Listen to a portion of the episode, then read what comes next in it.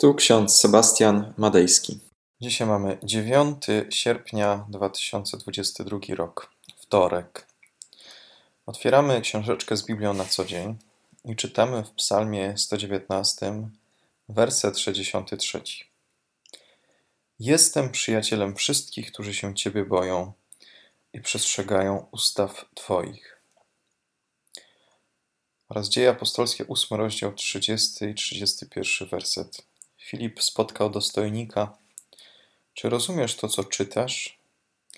Ten zaś powiedział: Jakżebym mógł, jeśli mnie nikt nie pouczył? I prosił Filipa, aby wsiadł i zajął przy nim miejsce. Przyjaźń. Przyjaźń Biblii to bardzo trudny temat.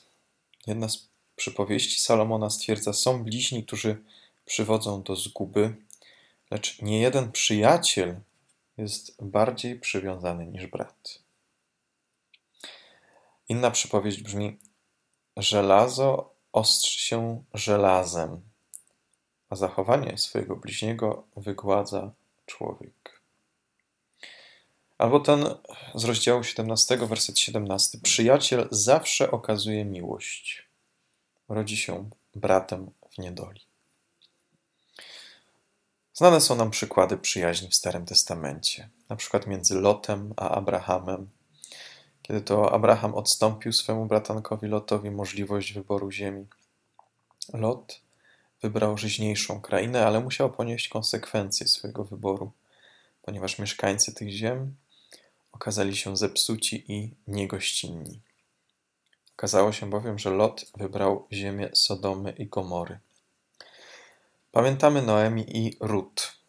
Wdowa i jej synowa obie pokochały się, zaprzyjaźniły do tego stopnia, że Rut postanowiła nie tylko nie odstępować Noemi o krok, ale i również przyjąć wiarę w Boga Najwyższego. W temacie przyjaźni nie można nie wspomnieć o Dawidzie i Jonatanie, którzy byli przyjaciółmi do tego stopnia niepoprawnymi, że Jonatan był gotowy zrzec się swojej władzy politycznej i dziedzictwa do tronu na rzecz swojego przyjaciela Dawida. Historia Izraela to historia relacji Boga i człowieka. Bóg objawia się poprzez historię Izraela. Jest tym, który zbawia Izrael, ratując swój lud od jego nieprzyjaciół. Z tej perspektywy te starotestamentowe wojny można interpretować jako zmaganie się ludu izraelskiego z innymi, silniejszymi ludami, które przez wieki próbowały osaczyć, zdominować lud izraelski. Bóg w sposób wspaniały jednak za każdym razem ocalił ten lud. Bóg pozostał wierny, mimo że jego lud wcale nie okazał wierności. Pan jednak dotrzymywał swoich obietnic jak przyjaciel, jak ktoś, kto jest cały czas przy bliźnim. Jak ukazuje historia narodu wybranego, udokumentowana w Biblii, stosunek Boga do konkretnego człowieka oraz do ludzkich społeczności opiera się na miłości, wierności, szacunku, na zaufaniu, na przebaczeniu, a zatem na atrybutach charakteryzujących uczucie prawdziwej, autentycznej przyjaźni. W wielu miejscach Biblia podkreśla wyjątkowy status osobowości człowieka, jego ścisły związek ze Stwórcą i władzą, która, którą posiada człowiek nad otaczającym go światem.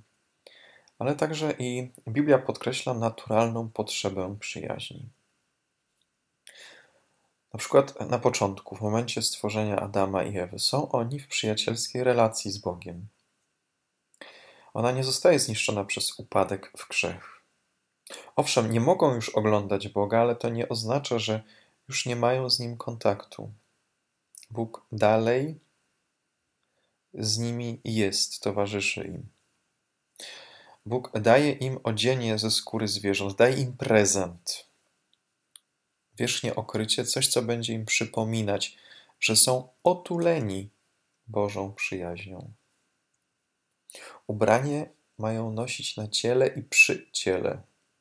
ponieważ będzie to im przypominać o Bogu, o tej szczególnej relacji z ich Stwórcą, z ich Ojcem. W dalszych rozdziałach Biblii widzimy, że potomstwo pierwszych ludzi nie będzie w stanie nawiązać tak czystych i bezinteresownych więz, więzi miłości i przyjaźni, ani między sobą, ani też z Bogiem. Znakiem utraty przez ludzkość zdolności do kreowania braterskich i przyjacielskich relacji były oczywiście nienawiść, okrucieństwo w postępowaniu kolejnego pokolenia zwany przemoc i gwałt, po, grecku, po hebrajsku Hamas.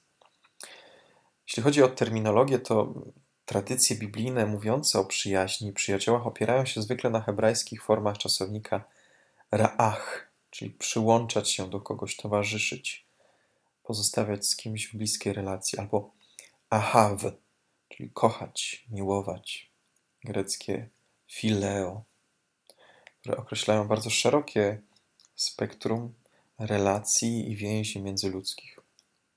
Począwszy od tych najbardziej in, intymnych, czyli miłość w jej szerokim rozumieniu, aż do tych mniej angażujących i zobowiązujących, jak braterstwo, przyjaźnie i po prostu pokojowe towarzyszenie czy dobre sąsiedztwo międzyludzkie.